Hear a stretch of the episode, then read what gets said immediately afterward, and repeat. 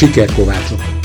Egy podcast műsor, ahol Borsodabó Zemplén megye vállalkozói, cégvezetői beszélnek sikereikről, kudarcaikról, terveikről és magánéletükről.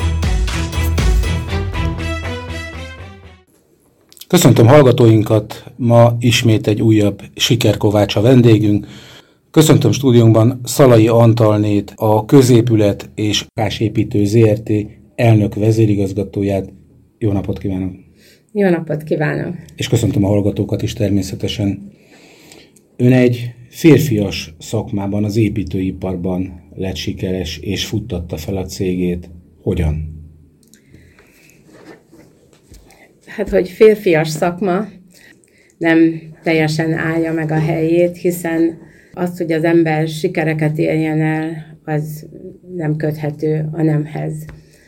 A teljesítmény az, ami meghatározó, illetve a szakmai elkötelezettség, a szorgalom és az alázat.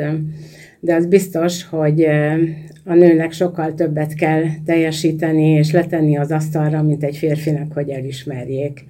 Hát én így gondoltam egyébként, de pont múltkor hallottam, bár az egy, csak egy szelete volt a, az építőiparnak, hogy már nem egy női burkoló is van. Hát az ön szerepe Sőt, az női ennél... villanyszerelő is van. Igen? Igen. Igen. Hogyan csöppent a szakmába? Én nagyon tehetségesen zongoráztam, és zongoraművésznőnek, illetve tanárnőnek készültem, de a családi helyzet, a tragédiák úgy hozták, hogy nem tanulhattam ott tovább.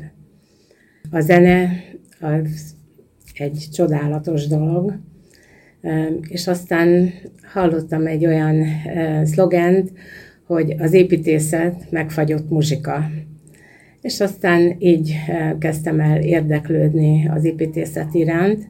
Aztán a férjem, amikor elkezdett udvarolni, akkor ő is inspirált arra, hogy válasszam ezt a, ezt a szakmát. Úgyhogy így csöppentem. És a kezdeteket azt hogy kell elképzelnünk, hogy mondjuk lakásfelújítással foglalkozott, alkalmazott embereket? Munkásságomat a Borsod megyei állami építőipari vállalatnál kezdtem, amikor elvégeztem a főiskolát. Végigjártam ott a szamárlétra minden fokát, mert volt... Ez fontos? Fontos, igen, szerintem nagyon fontos. Voltam művezető, Bocsánat, bocsánat, ez azért fontos, mert akkor tudja, hogy meddig terhelheti az embereit? Vagy mit igen, igen, igen, ez is, ez is fontos, de szerintem így az ember megtanulja az építőipar teljes egészét. Tehát látja a kezdeti indulásokat, a fizikai munkát, a, a ellátást, a szakmai tudást, a nehézségeket. Tehát rálátása lesz mindenre, Igen. halkan mondom csak, és megvezetni sem tudják. Hát igen, a kezdeti időszak nagyon nehéz volt, különösen akkor, amikor én kezdtem, akkor még tényleg nőn nagyon kevés volt a kivitelezésben, de én úgy gondoltam, hogy ez inkább nekem való, mint a, mint a tervezés. Én szeretem a kézzel fogható dolgokat, két lábban állok a földön, és úgy gondoltam, hogy itt sikerélmények sorozatával el fogom érni azt a célt, amit én kitűztem magamnak. És egy tárgyalás alkalmával elfogadják egy nő véleményét? Én most nem a belőle most nem a férfi beszél, mert megemelem a kalapomat a nők előtt, akik ö, ö, dolgoznak nap mint nap, akik még sikeresek is tudnak lenni, és mellette még háztartást vezetnek, gyereket nevelnek, stb. stb. Csak mégis azért az elején nem vitatkozom önnel, de azért mégiscsak azt mondom, hogy ez valahol egy férfi a szakma. Persze a siker az elérhető egy nőnek is ebben itt az ön példája, csak gondolom kétszer-háromszor annyi energiát kellett beletenni, mint hogyha férfi lenne. Tehát a kérdés elejére, hogy elfogadták már az elején a véleményét, vagy? Az, az első időkben nem nehéz dolgom, nehéz dolgom volt, de tiszteltem és becsültem a tudást, akár szakmai, akár más téren, és próbáltam tanulni ezekből, Aztán rájöttem, hogy nagyon fontos, és talán a legfontosabb, hogy az ember a tárgyalásokra felkészültem menjen. Tűzze ki magának a célt, és annak érdekében tegyen meg, meg mindent. Nagyon fontos a kiszámíthatóság, a megbízhatóság. Tehát, hogyha ezt a környezetébe ki tudja az ember alakítani, akkor sokkal könnyebb dolga van. Most egy felsorolnék egy pár épületet. Miskolci Minorita templom, Miskolc-Tapolcai barlangfürdő, korábbi Diósgyőri vár, Dérinéház, a Miskolci Galéria, City Hotel, a leégett Deszka templom újraépítése. Ezek mind az önök kezemunkáját dicsérik. Ezek közül mire a legbüszkébb? Vagy a felsoroláson kívül van-e olyan, ami, ami nem szerepel ezek között? Hát én úgy érzem, hogy minden munkám a saját, saját gyermekem, hiszen ha nem így fog hozzá az ember egy megvalósításhoz, akkor tévútra kerülhet. Az ember a gyerekéért mindent megtesz, így úgy gondolom, hogy az épületér is meg kell tenni mindent. Nagyon sok kedves épületem van, talán amelyik a pályámon igazán elindított, az a Avasi Jezsuita Gimnázium és templom. Ott tanultam meg, hogy mennyire fontos az együttműködés a tervezővel, a megrendelővel, a műszaki ellenőrrel, nagyon sokat segített eh, nekem a műszaki ellenőr Baksa Pista bácsi, aki 90 éves koráig eh, dolgozott, mint műszaki ellenőr. Nagyon becsülöm és tisztelem a mai nap, napig Ferenc Istvánt, a tervezőt.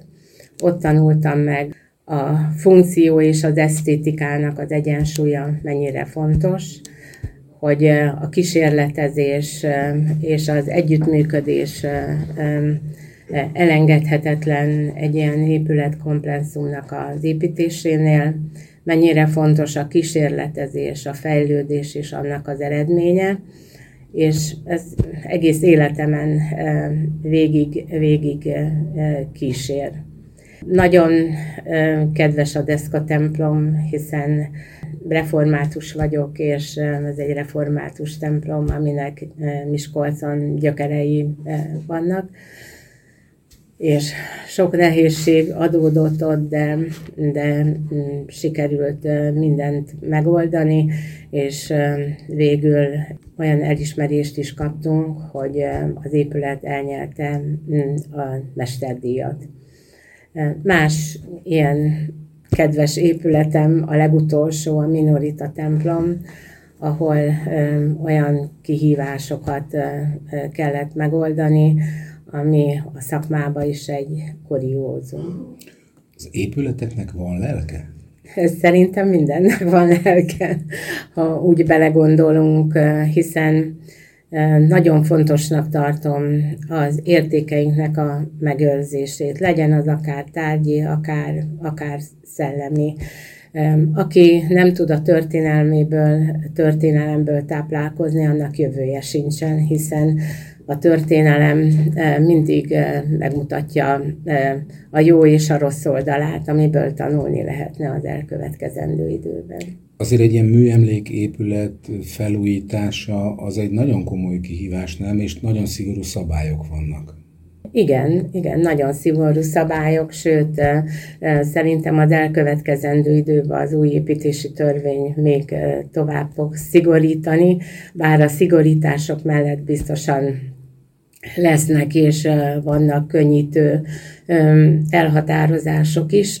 Mi mindig úgy kezdünk egy ilyen mi emlékfelújításhoz, hogy tanulmányozzuk az épületnek a történetét, a stílusát, a elkészített szerkezetek szakmai csinyát, binyát, és hát megőrizni azt, amit a tervező tervezett, a hatóság jóvá hagyott, és hát hozzátenni a, a mi csekély tudásunkat, amivel egy megfelelő szép épületet újra lehet hasznosítani és használni.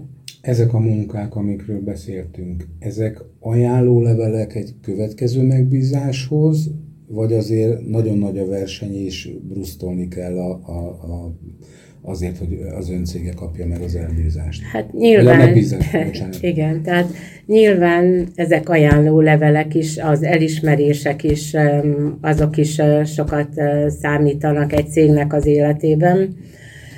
Nehéz mostanában munkát, munkát találni, akármennyire jó egy, egy cég, vagy jó neve van, jó híre van a mostani helyzetben ez elég nehéz. Állandó stábból dolgozik, most itt gondolok a kőfaragótól, a burkolón át, a festőn és a mérnökön át egészen a gazdasági vezetőig, vagy pedig projektekre felvesznek embereket, vagy pedig is is. Hát 32 éve működik a, működik a cég, ez alatt az idő alatt kialakult egy saját csapat, akik úgy gondolom, hogy magasan képzettek, tudják, hogy mi a, a célunk, ugyanakkor van egy olyan al, alvállalkozói csoport, akivel hát ha nem is 30 éve, de van olyan, akivel 25-30 éve dolgozunk együtt, tehát nyilván ismerjük egymásnak a képességeit, mire vagyunk képesek, a célok megegyeznek-e, és ezekkel jó dolgozni. Kimondottan jó jó csapat, akivel bármilyen feladatot elmerünk vállalni régóta meglévő csapattal dolgoznak. Hogy sikerült őket megtartani, hiszen lehetett hallani itt komoly béreket Nyugat-Európáról, Magyarországról is ment az egymástól való elszépkázás, hogy mi volt az a egy vagy két vagy több dolog, amivel itt tudta tartani az ön cégében ezeket a szakembereket? Ez biztos, hogy nagyon, nagyon nehéz, hiszen az építőiparban szerintem a bérek még mindig alacsonyak ezt Bár... mindenki így érzi.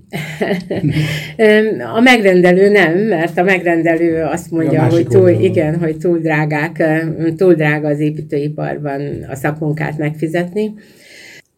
Kell egy ö, ö, olyan környezetet kialakítani, ahol jól érezze magát, ahol érezze, hogy elismerik, hogy sikerélménye van, és hát ezt megpróbálni megfelelően hát pénzügyileg is rendezni. Én úgy érzem, hogy családias a, a cégben a munkaerőknek a, a helyzete. Az alvállalkozókkal is elismerjük őket, kimondottan őket is előtérbe helyezzük akkor, amikor elismerésekre, elismeréseket kapunk. Majd mindjárt beszélünk a családról is, hogyha partner benne, de még a családias hangulatról jutott eszembe. Még annyi, hogy a cégük tevékenysége az ketté válik. Tehát a cégük tevékenysége az ketté válik. Van egyszer a középületek, és vannak a lakóépületek. Melyik áll közelebb önhöz? Hát a középületek közelebb állnak hozzám, és az utóbbi időben lakást nem is nagyon építettünk.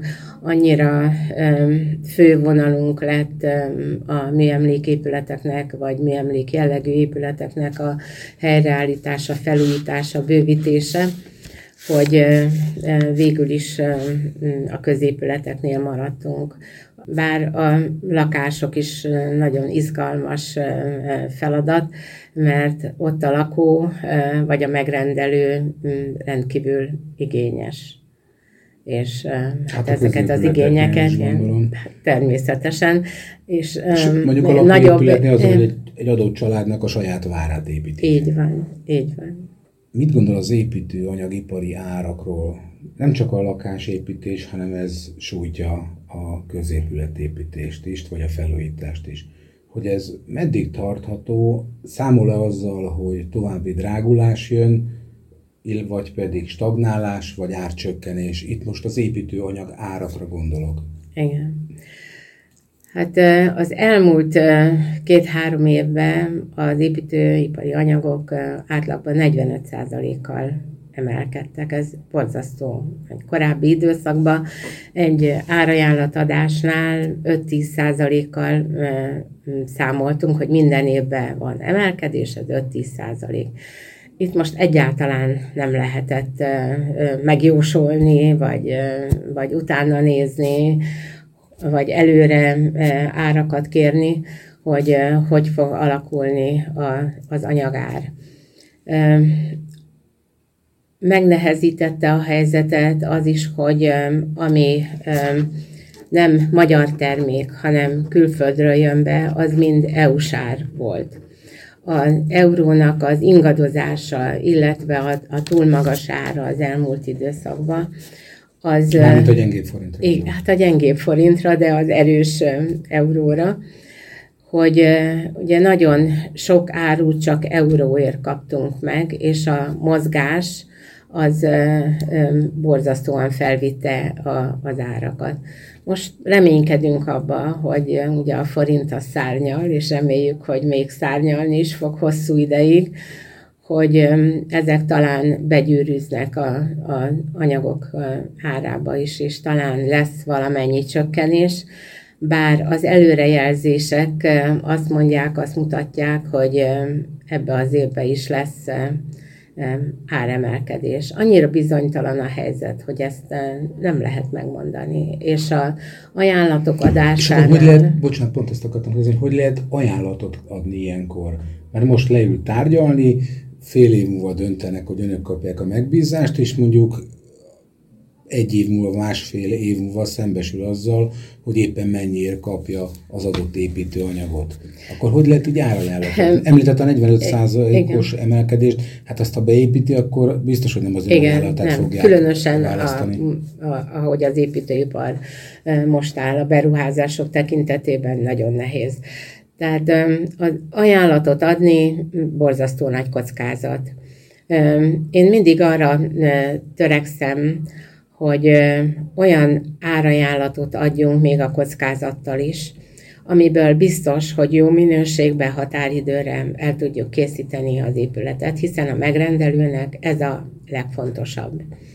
Nagyon sokan vannak most, hogy lemennek a végsőkig, vagy még nagyon alacsony árat adnak, ami irreális, azért, hogy a munkát erre elnyerjék, és biztosítsák a működésüket.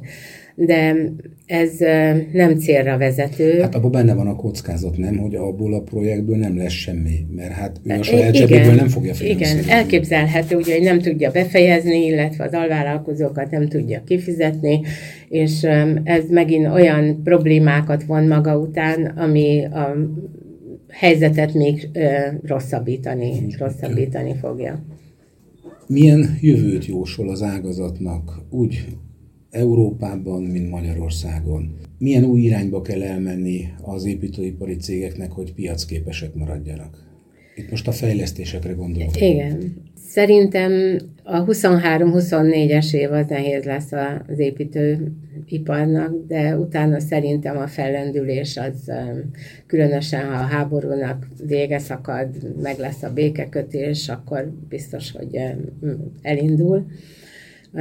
Megint az építőipar és, ahogy szokták mondani, az elmúlt időszakban szárnyalt, hát akkor a következő időszakban is szárnyaljon. Nagyon fontos, hogy ugye az ország egyre több tőkét kíván bevonni, és indítja a beruházásokat. Biztos, hogy ezek a hazai építőiparnak is munkát fognak adni.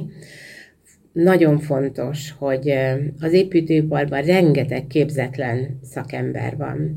Ezeknek az átképzése, képzése, betanítása nagyon fontos lenne, mert ugye a cél az a hazai embereknek a foglalkoztatása, és nem külföldi munkásoknak a behozása. Tehát én az oktatásra nagyon nagy hangsúlyt fektetnék továbbra is, különösen a hátrányos helyzetű családokat, gyerekeket keresném meg, és próbálnám a szakmát megszeretetni, megkedvelni. Akár még úgy is, hogy külön szociális segítéssel próbálná terelni az állam a tanulás, tanulás felé. Ösztöndíjak vannak? Igen, igen, igen, akkor... de ö, szerintem kell egy pár év még egyáltalán elindul ez a dolog, és rájönnek arra, hogy az építőipar egy nagyon szép szakma, és hogy ezt érdemes művelni, különösen, hogyha meg is fogják fizetni. Fontosnak tartom az automatizálást. Ennek a minél több előregyártás gyári körülmények között és annak a beépítése, mert ezzel élő munkaerőt takarít meg az ember, és precízebb, pontosabb, mint a helyszíni kivitelezés. Fontos a gépesítés, ami fontos az új anyagoknak a, a betanítása, megismerése, megismertetése, és ezek használata, mert ezzel jobb minőséget lehet elírni, tartósabb lesz a, az épület, illetve hát ugye a környezetbarát és a energiatakarékosság felé kellene Elmozdulás. Hadd kérdezek egy személyes kérdést, nekem a veszőparipám a vályok, a vályokház. Én azt tartom a legjobb építő anyagnak. Hozzá kell tennem, hogy laikusként mondom ezt, hogy erre ez miért nem tud iparosodni ez a technológia, vagy ez az építőanyag Hát gyártás. a vályognak a statikai tulajdonsága ugye az nem olyan, mint egy téglának vagy egy betonnak, tehát nyilván Ez csak igaz. kisebb épületeket lehet belőle építeni. Jó a hőszigetelése, de szerintem ettől sokkal korszerűbb és, mhm. és hát előre gyártható szerkezeteket lehet produkálni. Nem beszéltünk a, az önök díjáról. Tavaly novemberben kiemelkedő gazdálkodó szervezet díjat nyert az ön vállalkozása is, hát így, mint a vezetője ön is, a megyei iparkamaránál. Mit akar ez az elismerés, és mit jelent önnek, illetve a munkatársainak? 32 éve működik a, a cég, a tevékenységünk generál kivitelezés. Az elejétől kezdve a célkitűzésünk az volt, hogy a megrendelő igényeit maximális minőségben és határidőre készítsük el. Emellett olyan technológiákat, olyan felkészülést tudjunk biztosítani, ami a gazdálkodásunkat elősegíti. A gazdálkodásnak a, ugye a legfontosabb része, hogy minden időben megfelelő szolgáltatást tudjon nyújtani ehhez a szolgáltatáshoz, megfelelő munkaerőt, energiát, pénzügyi lehetőségeket, felszereléseket, és hát emberi hát hozzáállást tudjon biztosítani a gazdálkodáson, a célkitűzésen és a célok teljesítésen kívül ugye a nyereség és a fejlesztés a legfontosabb. Hát mi a 32 éves működésünk alatt hitel nélkül gazdálkodtunk és gazdálkodunk. Ez nagy szó. És minden évben igyekszünk a felszerelésünket bővíteni, új technológiákat elsajátítani, Hát és sorolhatnám, hogy mi még az, ami fontos egy ilyen gazdálkodáskor, és hát ezt igyekszünk minden évben betartani és fejleszteni. Mivel az előző kérdésemmel visszatértünk az ágazat egészétől az ön cégéhez, hadd kérdezem meg, hogy családi vállalkozás, hogyha jól tudom, akkor három gyermeke van, ők is az építőipari pályára léptek? Hát nem teljesen. A legidősebb fiam ő villamosmérnök és közgazdász, és saját cége van, ahol projekteknek programokat készít, illetve Budapesten nagy cégeknek különböző fejlesztéseket. Ami még besegíthet? Igen, de, de őt nem vonzotta soha az építőipar. A lányom ő lakberendező, itt Miskolcon él, ő neki közel áll, és közösen is szoktunk dolgozni. A legkisebb fiam, ő nálunk van 2003 óta, tehát oszlopos, oszlopos tagunk, és lassan átveszi a, a céget, nagyon fejlődőképes, és a férjem is 2000 óta a cégnél dolgozik, ő a műszaki igazgató. És hát közös csapatmunka. Nagyon büszke vagyok a cégünknek a csapatára, mert tényleg egy felkészült és mindenben magas fokon teljesítő emberek, mind a fizikai munkások, mind pedig a mérnökök. És hogyha hazamennek, akkor ott a cégről beszélgetnek, vagy hogyha bemennek, akkor, tehát hogy a, a családi szállat külön lehet választani a munkától? A családi köteléket? Hát ezt nem, nem lehet, nem lehet külön, külön választani. Nagyon nagy család vagyunk tulajdonképpen, mert a három gyerektől kilenc unokám van, és szombat-vasárnapok általában a családdal telnek, úgyhogy ha az asztalhoz ülünk, az unokák is már megnőttek, és vannak udvarlók, társak, és hát van, amikor egy-egy ilyen nagyobb ebédnél 20-24-en ül körül az asztalt, de mm, nem lehet elválasztani hmm. teljesen a cégtől, mert bejön egy szó, és akkor már mindjárt um, asszociálunk arra, hogy akkor mi van a cégnél, de um, ilyen családi összejöveteleknél nem a cég a téma. És az unokákat terelgeti már az ágazat felé? hát nem, nem nagyon akaródzik az építőiparba jönni. Azt mondják, hogy ez egy nehéz szakma, és nem... Hát ebben sokat nem tévednek, nem? Igen.